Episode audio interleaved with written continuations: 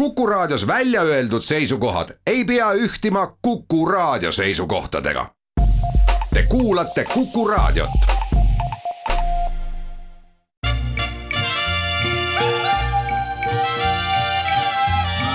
välismääraja.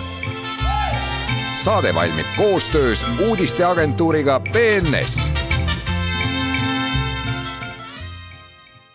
väike Leedu on otsustanud pea ees tormata lahingusse ülisuure Hiinaga. sattusin hiljuti lugema pikemat artiklit sel teemal New York Timesist väike maailma suurareenil üsna märkamatu riik Leedu ja vastu otseselt kasvavale supervõimule Hiinale, kirjutas Times. Leedu on keelanud Hiina mobiiltelefonid, mille tarkvarasse on Hiina poolt talletatud mitmeid reegleid. Leedu on arendamas nähtavalt suhteid Taiwaniga, mis Hiinat häirib ja loobunud Hiina ja Euroopa riikide ühisfoorumis seitseteist pluss üks osalemisest, muutes selle koostöökoha nüüd kuusteist pluss üks kohtumispaigaks. Eesti on seni kuueteistkümne riigi seas alles Hiina on Leedu käitumine New York Timesi sõnul lausa raevu ajanud. Leedust kutsuti tagasi riigi suursaadik ning Leedu toodetele tehakse Hiina turule pääsemiseks ulatuslikke piiranguid. mis siis toimub ja mida meil oleks sellest siin Eestis õppida? lisaks Hiina niinimetatud hundidiplomaatia. Need on tänase välismääraja teemad, mina olen saatejuht Neeme Raud ja kõigepealt minu jutuajamine Riigikogu väliskomisjoni esimehe Marko Mihkelsoniga, mis siis Leedu ja Hiina vahel toimub no ma arvan, et eks, äh, eks tegelikult Hiina teema kui selline, see tuleb uksest ja aknast siia igalt poolt ja, ja tõepoolest äh, meie liitlasruumi räsib see päris korralikult. võtame kasvõi sellesama küsimuse, mis puudutab siis ka meie suhteid Hiinaga või meie siis lähiregiooni suhteid Hiinaga, äh, see kurikuulus või kuulus Äh, formaat seitseteist pluss üks, mis rajati juba üks kümmekond aastat tagasi ja mille loomulikult eestvedajaks oli Hiina ja, ja kuhu siis kuuluvad riigid alates Kreekast Eestini siin Kesk-Ida-Euroopas. Ja, ja noh, eks Hiina vaatest loomulikult äh, siin on mitu kärbest ühe hoobiga, esiteks äh, ilmselt kümmekond aastat tagasi arvati, et on võimalik neid riike äh, oma sellisesse võlaorjusesse meelitada, siia mingeid investeeringuid lubades, teiseks see, et, et need riigid paljuski on ju seotud kunagise niinimetatud Nõukogude satelliitruumiga, ilmselt teatud seos Hiina mõtlemises ka siin taga, ja kolmandaks loomulikult võimalus ka Euroopa Liitu ju lõhestada sellega ja nüüd see kümmekond aastat tegelikult näitab meile äh, ja on näidanud Leedule ja teistele riikidele, et äh, see formaat ei toimi selliselt, nagu ta tegelikult võiks toimida. ja, ja siin juba aasta alguses äh, mitmed riigid, sealhulgas ka Eesti, tegid, noh, pidasid konsultatsioone selles osas, et kuidas üldse võiks nagu Hiinaga edasisi suhteid nagu kujundada ja üheks mõtteks oli, et tõesti töötada selle nimel, et sellest formaadist eemalduda, äh, kuusteist pluss üks või seitseteist pluss ühest. Ja noh, muidugi Leedu tõstis siin lipu ise püsti äh, kevadel, varakevadel ütles, et kui tahate, tulge järgi. ja eemaldus läks välja. ja eemaldus tegi seda trummipõrine saatel ja, ja noh, tegelikult olgem ausad, natukene nagu tõmbas meilt vaipa ja, ja ka teistelt samameelsetelt riikidelt Äh, sest äh, noh, tegelikult on ju meie kõigi ühine mõte ja soov, et et äh, Hiinaga tänases maailmas on võimalik mõistlikul viisil noh, ütleme siis vastujõu tekitada siis, kui me oleme Euroopa Liidus ühtsed ja kui me töötame Euroopa Liit ja Ameerika Ühendriigid koos. Seades uusi standardeid uutele tehnoloogiatele, arendades ka uusi tehnoloogiaid, investeerides muuhulgas ka Euroopa Liidus näiteks tehisintellekti ja, ja andmejagamisse äh, sest äh, selles osas me, on just Euroopa eriti maha jäänud võrreldes äh, siis nii Hiina kui ka Ameerika Ühendriikidega ja ja mida katkisem on meie enda omavaheline koostöö, ehk siis kui, kui üks kisub ühes suunas, teine teises, kolmandas suunas, siis loomulikult Hiinal on jällegi Euroopat natuke lihtsam mõjutada. ja, ja selles suhtes äh, noh, eks me oleme Leedu kolleegidele ka öelnud, et on arusaadav, et sisepoliitika mängib Leedus väga suurt osa kahjuks välispoliitikas ja, ja kõik need tõmblused, mis on olnud Hiina suunas noh, ütleme niiviisi, ei ole ilmselt otseselt teenimas seda eesmärki, mis, mis praegu on, et võimalikult sellisel ühtsel sammul äh, kujundada tugevamat, ühtsemat Hiina-suunalist poliitikat Euroopa Liidu tasandil, aga noh, see töö käib ja ja eks äh, iga riik teeb oma suveräänsed otsused. Leedus käib praegu tõeline uste paugutamine, Hiina kutsus tagasi oma suursaadiku, Leedu kavatseb tõstatada Hiina spionaaži teema Euroopa Liidu tasandil järgmisel nädalal, Washingtoniga räägitakse sellest. no ma ütleks, et tegelikult äh, see põhiline äh, küsimus, kus nüüd Hiina on järsult suhteid Leeduga piiranud või, või, või äh, külmutanud, äh, see põhiline põhjus on ikkagi see, et Leedu valitsus on otsustanud äh, anda nõusoleku Leedus Taiwan'i esinduse avamiseks. Ja just nimelt ma rõhutan Taiwan'i esinduse, sellepärast et tõesti, Taiwan'il on üle maailma väga paljudes riikides oma esindused, aga need kõik annavad nime Taipei noh, kas kultuuri või kaubanduse esindus. nüüd esmakordselt on siis asi minemas sinnani, seda veel sammu tehtud ei ole, aga vähemalt Leedu pool on lubanud, et et nemad võiksid anda loa siis äh, kasutada selle esinduse nimes äh, sõna Taiwan ja see on nüüd absoluutne punane joon jälle, kui vaadata Pekingi seisukohal, sest tuletame meelde, Peking on öelnud seda kõigile kõlavalt, et äh, kahe tuhande neljakümne üheksandaks aastaks nemad näevad, et Taiwan on on siis Mandri-Hiina lahutamatu osa. Ja, ja noh, loomulikult see perspektiiv on ülimalt äh, noh, nii-öelda ohtlik, sellepärast see võib kaasa tuua väga tõsise sõjalise kokkupõrke äh, siis Kaug-Idas, mida me kindlasti no ei tahaks näha, sest see, see võib kaasa tuua väga suure muutuse maailmapoliitikas tervikuna ja võib ka meie julgeolekut mõjutada. Ja nüüd küsimus selles, et et mis siis on Leedu eesmärk, kas Leedu eesmärk on lihtsalt äh, noh, nii-öelda suhteid pingestada Hiinaga, kuna arvatakse, et Hiina majandus võib-olla ei mängi Leedu majanduses nii suurt rolli. või ka, et äh, see avab uksed Ameerika Ühendriikides ja võimaldab tihedamaid suhteid siis Ameerika Ühendriikidega, ma arvan, et see kalkulatsioon pigem on seal aga nüüd küsimus on selles, et äh, me ei näe, et äh, ei Euroopa Liidu tasandil ega lõpuks ka Ameerika Ühendriigid ise, näiteks Ühendriigid ei ole nõus äh, Taipei esindust ümber nimetada Taiwan'i esinduseks, sellepärast see viiks kohe küsimuseni, kas me loobume ühe Hiina poliitikast, mis kuulutati välja seitsmekümnendate aastate lõpus, või me ei loobu sest äh, see on otseselt seotud, äh, ühe Hiina poliitika on otseselt seotud siis Taiwan'i küsimusega. ma tuletan meelde, et ka Eesti Vabariik üheksakümne neljandal aastal, kui Lennart Meri oma Hiina toonase kolleegiga äh, siis koostööprotokolli või koostööleppe sõlmis, siis Eesti rõhutas seal, et ja on rõhutanud oma poliitikas tänase päevani, et jah, Taiwan on Hiina osaks, kuigi me aktsepteerime siis seda kahte valitsemissüsteemi, muidugi mida me oleme näinud et Hiina keskvõim äh, üha enam äh, siis äh, väga sõjakalt püüab vältida igasugust mõtet sellest, et Taiwan võiks kunagi olla siis ähm, iseseisev riik, nii et, et see on viinud selle, nende pingeteni Hiina ja, ja Leedu vahel. Ja seal on erinevaid aspekte, Hiina on olnud väga jõuline, väga agressiivne Leedus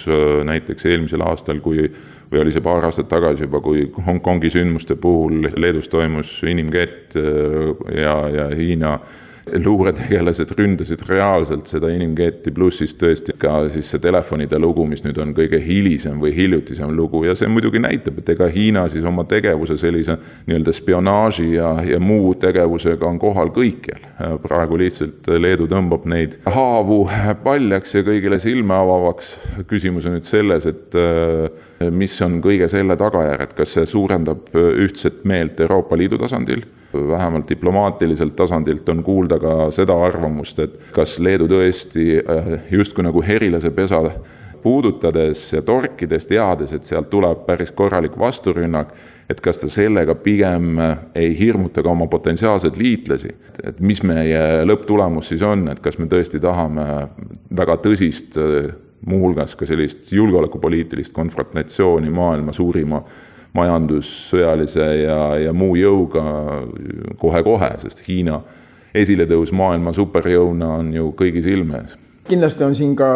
Leedu soov Ameerikale näidata oma otsustavust, sest Ameerika jaoks on Hiina ikkagi see suurim punane lipp, mis maailmapoliitikas praegu lehvib. no eks siin on jah, tegelikult ju küsimus ka, ka meil, meie headele Ameerika liitlastele, et äh, on arusaadav, et Ühendriigid ei taha omada praegu väga laetud ja, ja, ja sellist ohtlikku pingeseisundit kahe maailma suurjõuga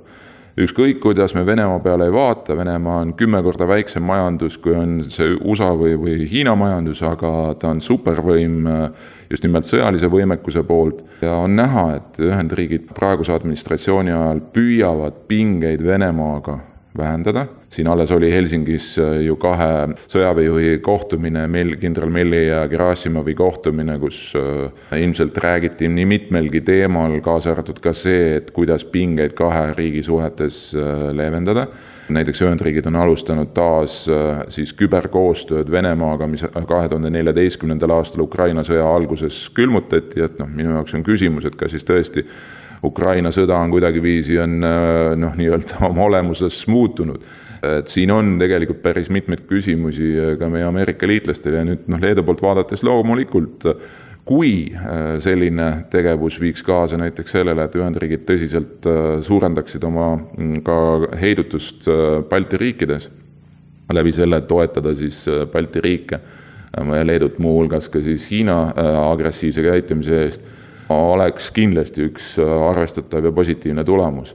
Aga hetkel me sellist liikumist äh, ei näe ja, ja mina ütleks, et noh, tuletan meelde ka Lennart Meri omaaegset, ma arvan, et väga ka tänal kehtivat mõtet, et Eestil, siinse piirkonna väikeriigil oleks äärmiselt äh, ohtlik ja lühinägelik omada korraga väga-väga teravaid kriitilisi halbu suhteid ÜRO Julgeolekunõukogu kahe alalise liikmega ehk siis Venemaa ja Hiinaga ja.... kes nüüd viimasel ajal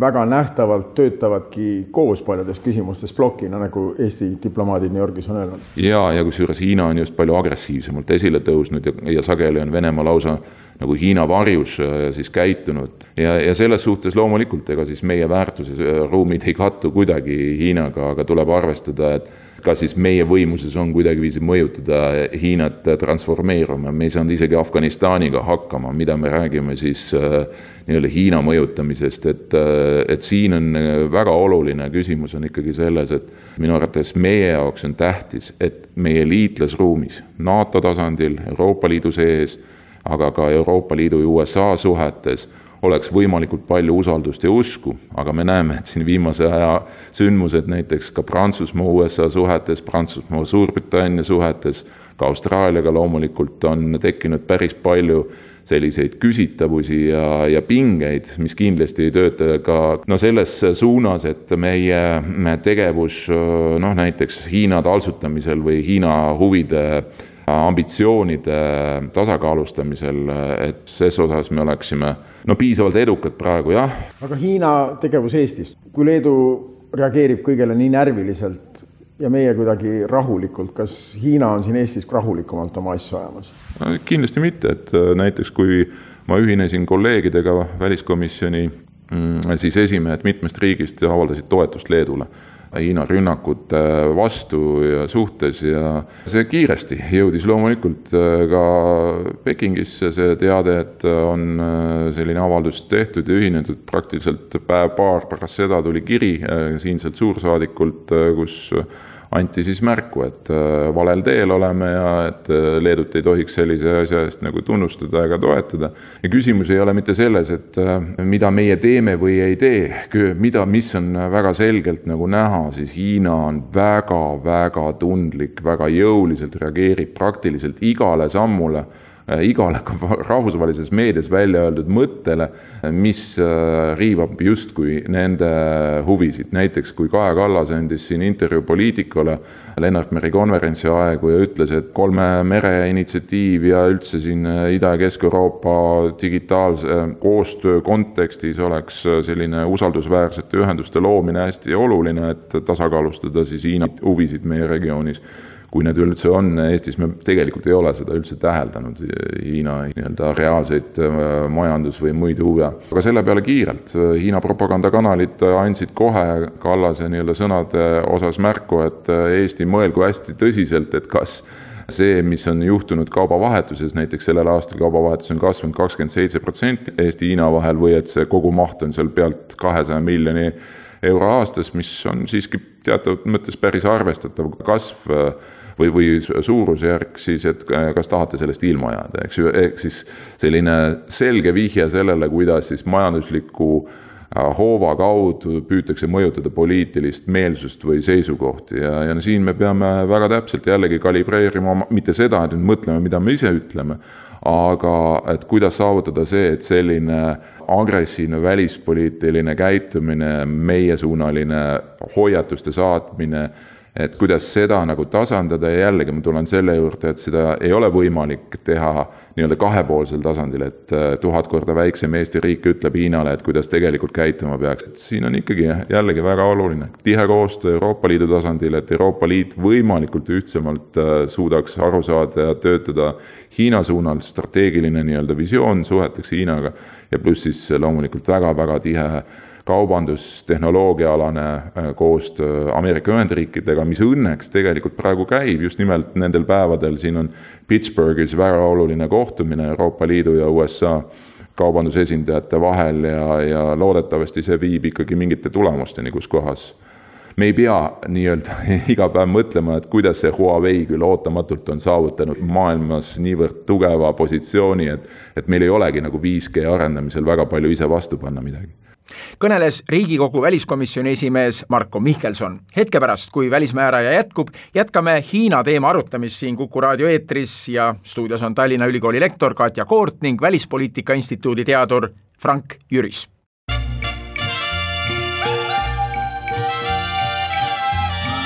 välismääraja. saade valmib koostöös uudisteagentuuriga BNS välismääraja jätkub. stuudios on nüüd Tallinna Ülikooli lektor Katja Koort ja Välispoliitika Instituudi teadur Frank Jüris. ja nende ääremärkused Leedu ja Hiina suhetes toimuvale ma arvan, et äh, Leedu on äh, nii-öelda realistlikult ümber hindamas oma Aasia poliitikat ja nad on väga selgelt ka nii-öelda seda esile toonud, et nende äh, rõhk Aasia Vaikse ookeani regiooniga suhtlemisel hakkab liikuma sarnaselt mõtlevate äh, riikide ja kõrgelt arenenud majanduste riikide suunas. Selles mõttes nemad on lihtsalt oma kodutöö ära teinud, kui me vaatame kuusteist pluss üks formaati, eh, ligi dekaad on see eksisteerinud, aga majanduslikud lubadused, mis eh, selle aja jooksul on antud, tänase päevani pole materialiseerunud. ja mingis mõttes see on juba nii-öelda kulude ümberhindamise mõttes eh, mõistlik vaadata ja keskenduda tähelepanu sinna, kust on ka oodata nii-öelda mingisugust kasu ja teise poolena ma tooksin välja ka, kus need ohud on väiksemad. Hiina on teada-tuntud selle poolest, et eh, enda poliitilise liini vastu eksijaid karistab karmilt. aga noh, seda ei tasu ka üle tähtsustada, et eh, nii Eesti kui ka Leedul majanduslikud suhted, eh, läbikäimine Hiinaga on tegelikult ikkagi üsna marginaalne, et Leedul eelmisel aastal eksport kogu ekspordist üks koma üks protsenti, Eestil üks koma seitse, et tegelikult noh, väga seda kujuteldavat vitsahoopi ei ole vaja karta. Sa rääkisid siin nüüd äh, natuke sellist mõistukõnet ka, et, et Leedu vaatab riike, kellega tal on huvid sarnased, hindab oma majanduslikku välistegevust ümber, kui sa nüüd räägisid otse, et kellega Leedu siis tegeleb nüüd, mida ta ümber hindab konkreetselt? mõistukõnega ei ole tegemist Leedu väga selgelt on öelnud, et need arenenud majandusega ja sarnaselt mõtlevad riigid on Lõuna-Korea, Jaapan, Singapur ja miks mitte ka Taiwan ja sinna suunas nagu liigutaksegi. ja ega Eesti selles mõttes oma välispoliitilises suundadelt väga ei erine, Eestis alles avamisel on Lõuna-Koreas saatkond, Singapuris on juba esindus avatud. Ja, ja see ei ole nagu ainult väikeste Balti riikide suund, vaid see on üleüldine Euroopa suundumus või trend, et alles hiljuti on tulnud Hollandil, Saksamaal, noh, Suurbritannia pole enam eh, Euroopa Liidu liige, aga ka neil on tulnud alles hiljuti välja Aasia Vaikse ookeani regiooni strateegiad, kus üsna selgelt tuuakse välja, mis on need prioriteedid, et ei ole mõtet keskenduda ainult eh, Hiinale, eriti veel, kui Hiinaga majanduslikus läbikäimisel on alati ka nii-öelda poliitilised hoovad seotud, mida võidakse ära karistada. kõige suurem punane lipp selles uues suhtluses Aasiaga, mida Leedu kavatseb teha, on, on muidugi Taiwan. Leedu kavatseb avada ju, nagu Marko Mihkelson rääkis, lausa Taiwan'i saatkonna, mida mujal maailmas ei ole. jah, tõepoolest, see on äh, vist esimest korda üle väga pika aja, kui Taiwan'i esindus avatakse Taiwan'i nimega, noh, selle saare päris nimega enne seda Hiina Rahvavabariigi survel oli kogu aeg siis kas Hiina Taipei või, või Taipei esindus midagi ainult pealinnale siis viidates, et ei tekiks mingeid mõtteid, et, et see võiks olla teine Hiina, nagu, nagu siis ajaloos on see välja kujunenud. Kas siin selle sammuga ei rikuta otseselt seda ühe Hiina poliitikat, mis on kogu läänemaailmas kestnud alates seitsmekümnendatest aastatest? no tegelikult ei ole, sest de facto Taiwan eksisteerib eh, eraldi riigina ja, ja muidugi eh, keegi ju tegelikult otseselt ju saatkonnaks seda ei nimeta. ja teine asi on see, et, et üldiselt eh, Hiina Rahvavabariigis endas on selline poliitika, kui nad avavad kusagil noh, eriti väiksemates riikides tihtilugu avatakse siis provintside mingid esindused ja siis Taiwan, nagu nad ise ütlevad, on Hiina Rahvavabariigi provints siis eh, see üldiselt nagu mingit niisugust vastuolu siin ei ole, nendel endil ei tohiks olla siis sellega, sellega mingit eh, probleemi. aga selge on see, et Hiinat see samm ärritab, juba see Taiwan'i nime nii kõlavalt äramärkimine ärritab jaa, muidugi. ja Leedu seda... peab ikkagi olema suhteliselt julge, et seda sammu astuda. seda oli ette teada, võib-olla me ei tea, siiamaani ei tea ja ei oska praegu veel hinnata seda, noh, seda reaktsiooni määra, et, et, et eks Hiina on viimastel aastakümnetel on kogu aeg järjest agressiivsemaks muutunud, see välispoliitika on selline kohati ebamõistlikult nagu kaitsepositsioonis, noh, see ei ole isegi enesekindluse märk, tegelikult ma ütleks, et see on pigem ebakindluse märk, aga ühes ma olen Frankiga väga nõus selles mõttes, et vaadates ja teades, kuidas äh, Hiina siis nüüd survestab ja kasutab seda piitsa ja prääniku poliitikat erinevate riikide suhtes, olgu seal mängus Taiwan, Hongkong, Covid, noh, viited Covidi päritolule või, või mis iganes, et äh, mida rohkem Äh, riigid on majanduslikult seotud Hiinaga, seda valusamad löögid neile on. selles mõttes ma olen nõus, et see on väga pragmaatiline otsus, aga see ilmselt sellest äh, tuleb kasu noh, mingi aja pärast, mitte kohe, et, et äh, esiteks ilmselt peab tagajärgedega tegelema. mida Eesti peab sellest õppima, Eesti jälgib arenguid, aga mida, mida see meie jaoks tähendab? lisaks nii-öelda pikas perspektiivis nii-öelda majanduslike suhete kindlustamisele oma ekspordipartnerite laiendamise näol, on tegelikult sellel ka nii-öelda julgeolekulised mõõtmed juures et kui me mõtleme kas või selle peale, et eh, Hiina relva import Venemaalt, siis tegelikult see import Venemaalt aitab ju kaugemas perspektiivis Hiinal saavutada seda võimalust, et kui rahumeelsed katsed Taiwan'i liitmiseks Mandri-Hiinaga ebaõnnestuvad, siis see nii-öelda tehnoloogiline ekspertiis äh, ja ka nii-öelda õppetunnid, äh, mida Venemaa on oma armee reformimisel läbi teinud, need aitavad ka Hiinal moderniseerida ja kaugemas perspektiivis ka vajadusel sõjalistel meetmetel Taiwan'i okupeerida või enda, endaga liita sõjalistel äh, vahendite kaudu aga kui me mõtleme nii-öelda selle peale, et tänapäevane globaalne maailm on üksteisega väga tihedalt seotud, siis paratamatult see tekitab, kui USA tähelepanu ja fookus liigub drastiliselt Aasia vaikse regiooni juurde ja partneri ja liitlaskohustustele sinna regiooni. mis on juba toimumas. see on juba toimumas jaa, see paratamatult tekitab Venemaale lisaruumi opereerimiseks ja selles mõttes, kui Euroopa riigid aktiivsemalt suhtlevad Taiwaniga, äh, sõlmivad majandussuhted, siis andke andeks, äh, Hiina ei ole huvitatud sanktsioonidest, majanduslikust sanktsioonidest kahel rindel samal ajal, nii USA-lt kui ka oma teiselt ühelt põhiturult Euroopas. ja äh, kui me vaatame Euroopa Liidu Aasia Vaikse ookeani strateegiat, siis seal on mitmel korral eriliselt nagu esile äh, tõstetud koostööd Taiwaniga. ja seda me oleme ka näinud, tšehhid on aktiivsemalt hakanud koostööd tegema, Leedu aktiivsemalt koostööd tegema hakanud, et see, see on, ma arvan, ka üks nii-öelda tulevikutrend, sest tegelikult Euroopa julgeolek, kui me nüüd vaatame nii-öelda äh, strateegilises ja globaalses plaanis, on otseselt seotud ka Aasia Vaikse ookeani regiooni julgeolekuga ja neid eh, nii-öelda tänapäeva maailmas ühte probleemi teisest on eh, väga raske lahutada. Katja, ikkagi õppetunnid meile, mida meie vaadates Leedu käitumist peaksime mõtlema, vaatama, oma välispoliitikas kaaluma? Balti riigid on erinevad riigid, et meil kõikidel on vabadus teha oma, oma poliitilisi otsuseid ja me ei pea selles mõttes eh, samu otsuseid tegema aga antud juhul praegu vaadates seda, seda olukorda, millesse Leedu on sattunud, Äh, minu esimene mõte on see, et, et me ei tohiks Leedut tegelikult üksi jätta selles olukorras. me ei pea samu poliitilisi otsuseid tegema, aga me peame astuma Leedu selja taga ja aidata tal kaitsta vabadust teha oma poliitilisi otsuseid. et keegi noh, suur vend ei jälgi seda ja ei ütle ja ei survesta ja tegelikult see on see, mille eest me võitlesime perestroika ajal, mida me saime, et vabadus teha oma välispoliitikat, vabadus teha oma sisepoliitikat, vabadust öelda seda, mis meile meeldib, mis meile ei meeldi. Leedu praegu tegi seda ja ei ole vist õige, et ta saab selle eest karistada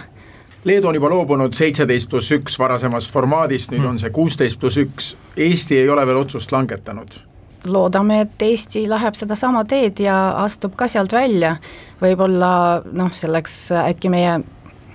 välispoliitika tegijad ootavad selleks nagu mingit õiget hetke, ma loodan, et, et mingil hetkel see ikkagi saabub kätte ja üks pool sellest nii-öelda aritmeetikast, kasud ja kahjud on see, et noh, kasu ei ole olnud selle kümne aasta jooksul väga või noh, peaaegu kümne aasta jooksul, aga kahjuna tasub kindlasti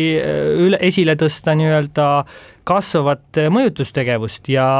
noh,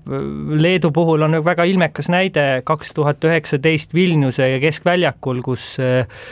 Molotov-Ribbentropi pakti aastapäeval siis eh, Hiina saatkond öö, eh, otseselt osales Pekingi protestis, kus saatkonna töölised osalesid ja saadik, Hiina saadik siis Leedus vaatas seda külje pealt. taas tulles tagasi nende nii-öelda kulude juurde, siis noh, pikalt on räägitud sellest, et Hiina turul edu saavutamiseks tuleb luua kõikidel erinevatel tasemetel, riigi, omavalitsuse, erasektori tasemetel suhteid ja nii-öelda aktiivselt suhelda. aga noh, kümme aastat on see strateegia nii-öelda toimunud, mis me selle tulemusel näeme, me näeme seda, et eh, teatud huviringkonnad räägivad, et me ei tohiks Hiinat kritiseerida, vastasel juhul karistatakse meid ära, noh. ilmekas näide selle kohta on see, kui see mm, kuusteist pluss üks virtuaalne siis kohtumine Xi Jinpingiga, kui Eesti ja viis veel Euroopa Liidu liikmesriiki ei saatnud kõige kõrgemal tasemel esindatust sinna, siis eh, mitmelt poolt eh, küsiti või noh,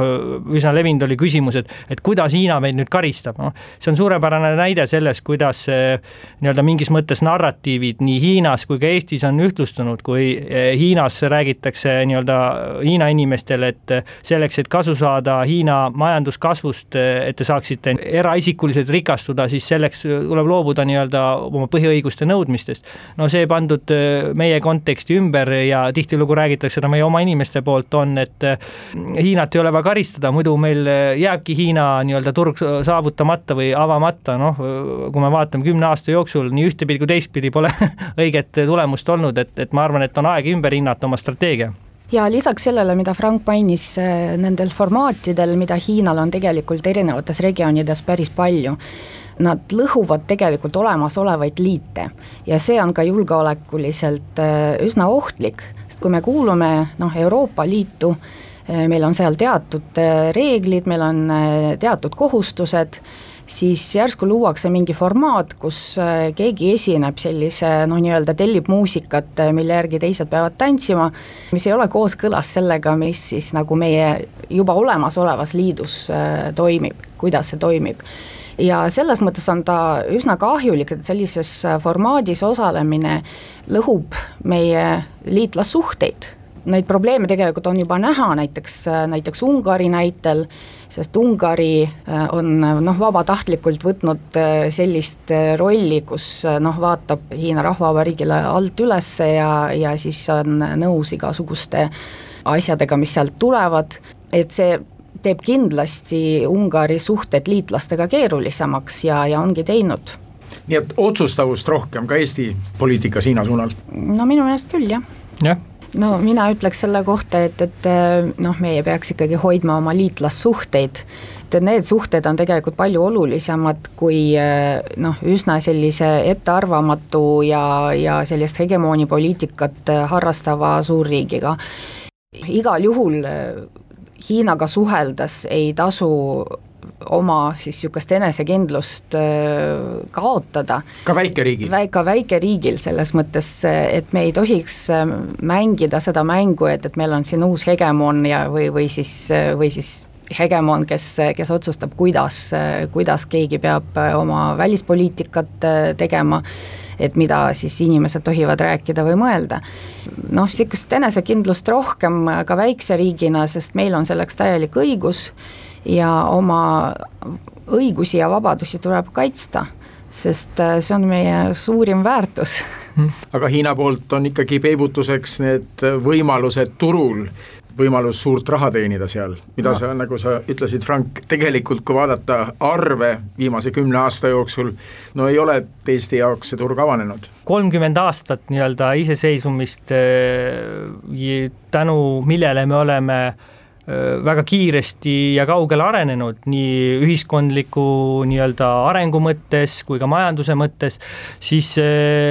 väikeriikide jaoks paratamatult on oluline reeglitel põhinev maailmakord, noh, meie oleme selle reeglitel põhineva maailmakorra musternäidis, me oleme olnud edukad, me oleme nii-öelda väga tublid olnud ja selle maailmakorra tükk tüki haaval nii-öelda lahtikiskumine autoritaarsete suur suurriikide poolt, olgu siis tegemist meie lähinaabri või siis kaugemate naabritega, see paratamatult toimub meie kahjuks. kui suurriigid otsustavad nii-öelda ise reegleid kirjutada ja nendest üle sõita, siis äh, kahjuks äh, meie nii-öelda edulugu satub ohtu. aga kahjuks see maailmas praegu toimub. jah, ja tänu millele me suudame sellele vastu seista, on see siis, kui me eh, nii-öelda tähtsustame oma liitlassuhteid, hoiame kokku. Hiina suudab edukalt nii-öelda Leedut nurka suruda ja kiusata mida tavaliselt kiusajad ikka teevad, ainult siis, kui teised klassiruumis seda nii-öelda nõutult pealt vaatavad. kui me paneme seljad kokku ja ütleme, et selline käitumine on rahvusvahelisel areenil äh, kahekümne esimesel sajandil, kas või kui mõtleme, mis uiguuridega toimub, on lubamatu ja sellel tuleb lõpp teha siis äh, noh, ega sa ei saa ju lõputult nii-öelda kõigi vastu minna. Euroopa Liidu turg, viissada miljonit tarbijat, on Hiina jaoks oluline kaubandusbilanss nende kasuks kogu aeg kasvab, tänu millele, sellepärast et eurooplased on jõukad ja tarbivad. et eh, see on tugev argument, kui me mõistame oma tugevusi, hoiame kokku ja ei lase nii-öelda ükshaaval Hiinal meid kolitada, siis, eh, siis on meil ka lootust, et see reeglitel põhinev maailmakord jääb püsima. Hiina hundidiplomaatia kust see korraga maailma areenile tuli? Katja Koorti ja Frank Jürisega jätkame Välismäärajas juttu Hiina hundidiplomaatiast hetke pärast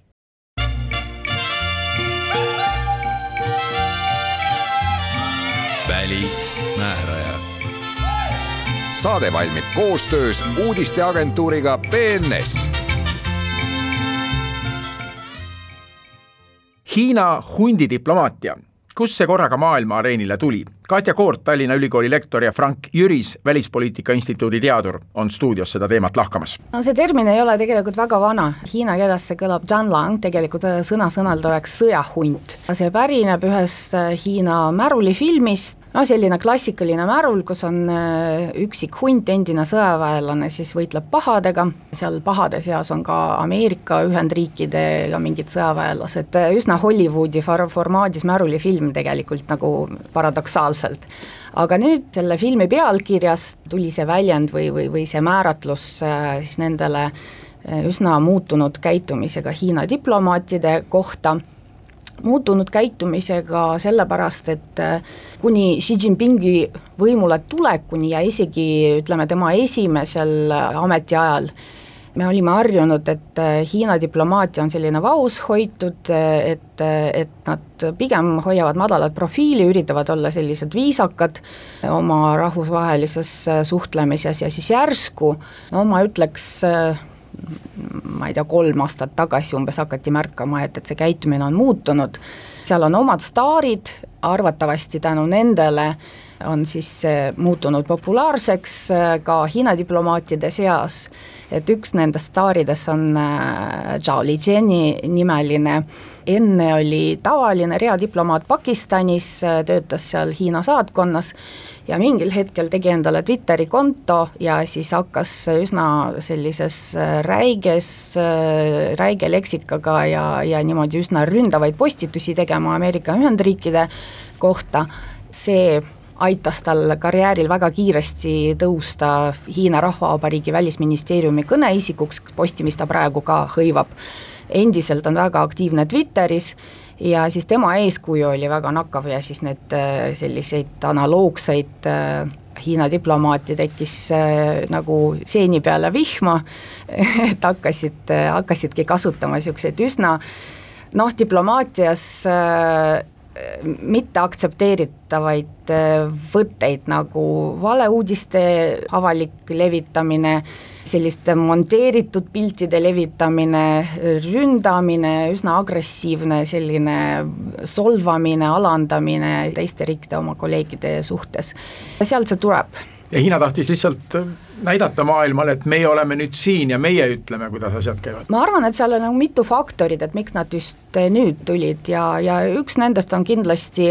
et äh, noh, Lääs näitas eeskuju, et, et tuli see Trumpi administratsioon ja siis Trumpi käitumine USA poolt ja noh, vastasseis USA-ga hakkas juba enne tekkima, aga siis tuleb selline ropsuröökur sealt ja siis hakkab provotseerima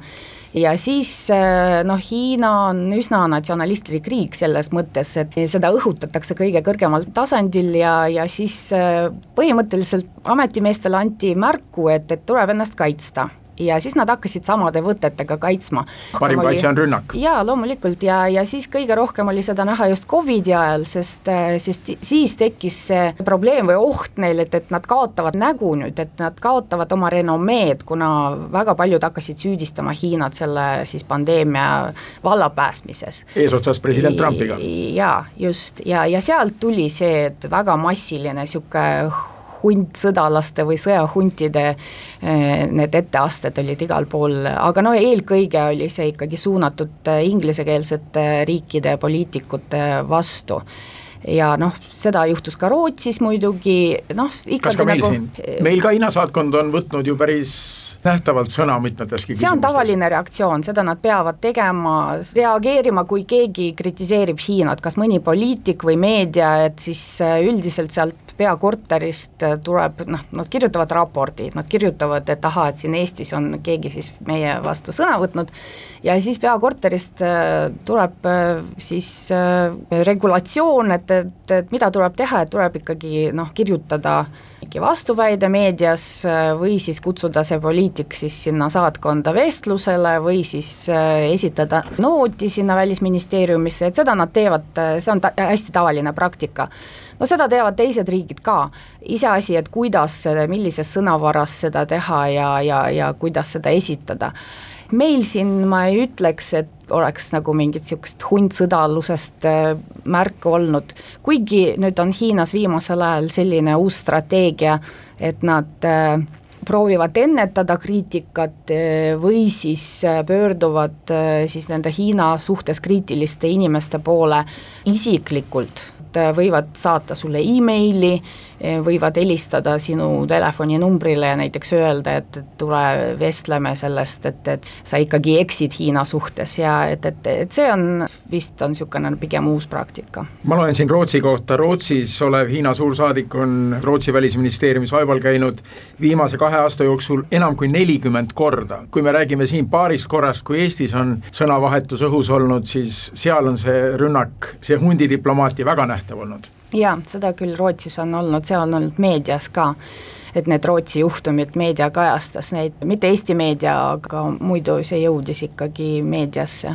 no miks just Rootsi valiti? no Rootsi puhul äh, võib-olla on see nii-öelda suhete halvenemine ka kulgenud omasoodu, et äh, teadupoolest Rootsi kodanik siis Gui Minhai, kes siis rööviti Hiina julgeolekuasutuste poolt Tais äh, olles ja viidi, toimetati Hiinasse, kuna ta avaldas Hongkongis Hiina Kommunistliku Partei suhtes kriitilisi esimesi nii-öelda raamatuid, et äh, see oli nagu noh, selline üks selliseid äh, kiiresti eskaleeruvaid nii-öelda vahejuhtumeid ja kui Minhai, kui ma ei eksi, siis tänase päevani on äh, Hiinas hoitakse teda kinni. aga noh, Eestist näiteid noh, vast võib-olla mitte siis hundisõdalase nii-öelda diplomaatia kohta, aga näidete kohta, kuidas siis saatkond on üritanud nii-öelda öelda, kuidas kas või Eesti meedia peaks toimetama äh, Hiina mõjutustegevust käsitlev artiklite sari, mida siis Eesti poolt vedas Holger Roonemaa koostöös siis äh, Läti Eesti-Leedu ajakirjanikega, siis selle avaldamise järel saatkond ütles, et, et nii-öelda Eesti ajakirjanike tööülesanne peaks olema edendada kahepoolseid suhteid, mitte neid halvendada. ja kui ma ei eksi, siis julgeolekuasutuste raporti teemal saatkond võttis sõna ja ütles, et see tuleks ümber kirjutada, noh, tolleaegne välisminister ütles äh, väga tabavalt, et äh, Urmas Reinsalu siis? ja, ja et see on ikkagi ühe riigi nii-öelda äh, siseriiklik julgeolekuhinnang, mis on siis koostatud selle valdkonna ekspertide poolt ja äh, ega selle ümberkirjutamist ei, ei ole võimalust ühelgi teisel välisriigil. ja ma arvan, see oli väga õige äh, tähelepanu, aga üks asi, mis ma tahaksin esile tõsta, võib-olla on see, et äh, selle hundi sõdalase diplomaatia või üldse nii-öelda Hiina reljeefsete selliste äh, reageeringutega ei tasuks väga kaasa minna. Äh, noh, see on teat-, see on taotluslik, äh, soovitatakse ehmatada ja nii-öelda kutsuda väiksemaid riike tihtilugu Hiina poliitilisele soovile või nii-öelda tahtele alluma vast küll mitte kvalifitseerudes no, väljenduslaaditi hundidiplomaatiaks, noh kas või Eestil kaks tuhat üksteist, kui saadi kokku, poliitikud said kokku Dalai-laamaga, siis meile järgnesid sanktsioonid. noh, meedia poolt see üle võimendatuna, me tänase päevani räägime sellest, kuidas eh, nii-öelda meie Äh, piima, piima nii-öelda eksport läks, Hiina läks lukku, aga kui me vaatame andmeid või nii-öelda numbreid, siis Hiina eksport kaks tuhat üksteist aastal, piimatoodete eksport siis kogu ekspordist null koma null viis protsenti. see on ikkagi üks piisk meres, äh, mitte midagi rohkemat ja noh, teise poolena siis, mida võimeldatakse, on see nii-öelda see positiivne pool, Hiina kõikide võimaluste maa, tohutute nii-öelda teenimisvõimalustega, noh ka selle poole pealt me teame, et äh, senini on meil nagu vähe edu olnud selles valdkonnas. no selge on see, et ka Eesti on mikroskoobi all ka siin võib-olla isegi meie saatel järgneb mingisugune reaktsioon saatkonna poolt, jälgitakse, mida ühiskonnas räägitakse väga tähelepanelikult, sest Hiina lihtsalt jälgib kõike, mis tema kohta maailmas räägitakse. jaa, seda kindlasti, et kui nad äh, kui neil on seda võimekust äh, ütleme, tõlkida ära kõiki neid saateid, mis Hiina kohta ilmuvad ja artikleid Eestis, et siis äh, no enamasti jah, siis kui tekib mingi suurem äh, jälgijaskond või, või kuulajaskond, et siis see jõuab ka sinna saatkonda, kus nad töötlevad enda kohta käivaid uudiseid küll ja mida me siis selle teadmisega peale peame hakkama? on nagu natukene ekslik arvata, et, et Hiina välispoliitikat tehakse või kujundatakse ainu, ainult Välisministeeriumis, ministeeriumis, et eh, Hiina, Hiina puhul on see noh, ma arvan, üks valesti mõistetud eh, arusaamu, et Hiina välispoliitika süsteem eh, kahe tuhande kaheksateistkümnendal aastal toimunud välissuhete konverentsil, mida siis juhtis Xi Jinping, öeldi, et Hiina välispoliitika süsteem on palju mitmetahulisem, see koosneb valitsusest, see koosneb erakondadest, see koosneb rahvakongressist, konsultatiivkonverentsist, armeest, kohalikest omavalitsustest, tsiviilühiskonnast ja noh, ka nii-öelda patriootlikud ärimehed eh, lähevad sinna alla. tegelik nii-öelda Hiina välispoliitika käilakuju on ei keegi muu kui Xi Jinping, sest ta juhib välissuhete komisjoni. igapäevast nii-öelda välispoliitika alast tegevust eh, juhib eh, siis, või välissuhete büroo, mida siis juhib endine Hiina välisminister Chiang Chie-tsi. Hiina nii-öelda välispoliitiline eh, süsteem on keerulisem või ta on nagu mitmetahulisem, kui meil meeldib mõelda ja, ja Xi Jinpingi üks nii-öelda trademark'e või siis nii-öelda tunnuseid, mida siis ka nii-öelda lisaks sellele suurriigi viljeletavale hundisõdalase diplomaatiale, on see ka, et Xi Jinping on tahtnud rohkem tuua keskse valitsemise alla nii-öelda tervet välispoliitika süsteemi. see on kindlasti, millele tuleks nagu tähelepanu pöörata, et kui meie äh, nii-öelda poliitikud või, või teiste riikide poliitikud kohtuvad äh, nende erinevate nii-öelda välispoliitilise süsteemi kuuluvate äh, institutsioonide või asutuste või nende nii-öelda esindajatega, siis tihtilugu jääb see võib-olla nii-öelda kohalike jaoks arusaamatuks, et mõeldakse, et siis kohtutakse Hiina kummitemplis parlamendiga. Aga ei, tegelikult on sellel nii-öelda asutusel oma kindel funktsioon Hiina välispoliitilises süsteemis ja sellest tulenevalt siis ka nad käituvad, et, et üks asi kindlasti, mille millele tuleks tähelepanu pöörata rohkem ja seda nii-öelda teaduslikult uurida, on just Hiina välispoliitika süsteem ise. mida me siis peaksime sellest jutust nüüd kaasa võtma, kuidas me peaksime Hiina suhtes käituma, sest no siin maailmas on juba ka sellised arvamused, et nüüd ongi varsti maailmas kaks valikut, kas oleme liitluses Ameerika Ühendriikidega või Hiinaga, et, et varasem maailm, kus oli külm sõda ja kaks leeri, on asendunud uue jälle sellise kaheleerilise maailmaga, kus ongi Hiina ja USA, noh, Euroopa Liit, Venemaa, teised riigid ka, aga need kaks suurt on ikkagi, kelle poolt tuleb siis otsustada, kas ühe või teise poolel mängida on kas Peking või Washington mida siis Eesti on saavutanud sellise mõtlemisega, et oleme Hiina suhtes vaoshoitud ja siis saame võimalusi sinna turule siseneda? Äh, väga hea küsimus, ma arvan, et me pole piisavalt saavutanud või õigelt me pole suurt midagi saavutanud, kui Eesti eksport Hiina kogu ekspordist on üks koma seitse protsenti, millest, kui ma ei eksi, siis enamuse moodustavad elektroonikatooted, mida siin toodetakse Ericssoni tehases, noh, siis äh, ega meil nagu nii-öelda suurt edulugu ei ole, et äh, alles hiljuti räägiti suurest eduloost, et hakkame müüma mullivett või mingist vett et kui me mõtleme tänapäeva maailma peale, missugune ökoloogiline jalajälg on vee transportimisel nii-öelda teisel pool maakera,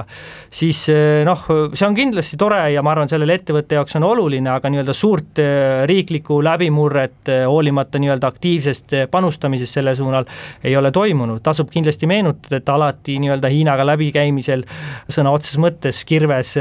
ripub pea kohal, et kunagi ei tea, kui keegi kas või näiteks opositsioonierakond võtab näiteks inimõiguste teemal sõna ja selle tulemusele siis nii-öelda Hiina äh, karistab. Ja kui see juhtub olema mingi üksiku ettevõtte või erasektori peale, noh siis nendel on kindlasti huvi oma õiguste eest kaitsta, millest tuleb ka aru saada, aga see taaskord mõjutab nii-öelda meie ühiskonda lõhestavalt, sest nende sõnum on, miks te kritiseerite Hiinat, miks Välisministeeriumis või erinevates nii-öelda ka mittetulundusühingutes, kes inimõigustes seisavad, miks te seda teete, et mul läheb äri tuksi. aga noh, sellel on oht juba nii-öelda meie põhiväärtustele, põhi, põhimõtetele, milleks kindlasti on sõnavabadus Katja Koort, Tallinna Ülikooli lektor ja Frank Jüris, Välispoliitika Instituudi teadur, kõnelesid Hiinast. tänane Välismääraja ongi kuulatud, mina olen Neeme Raud, head sügise jätku teile!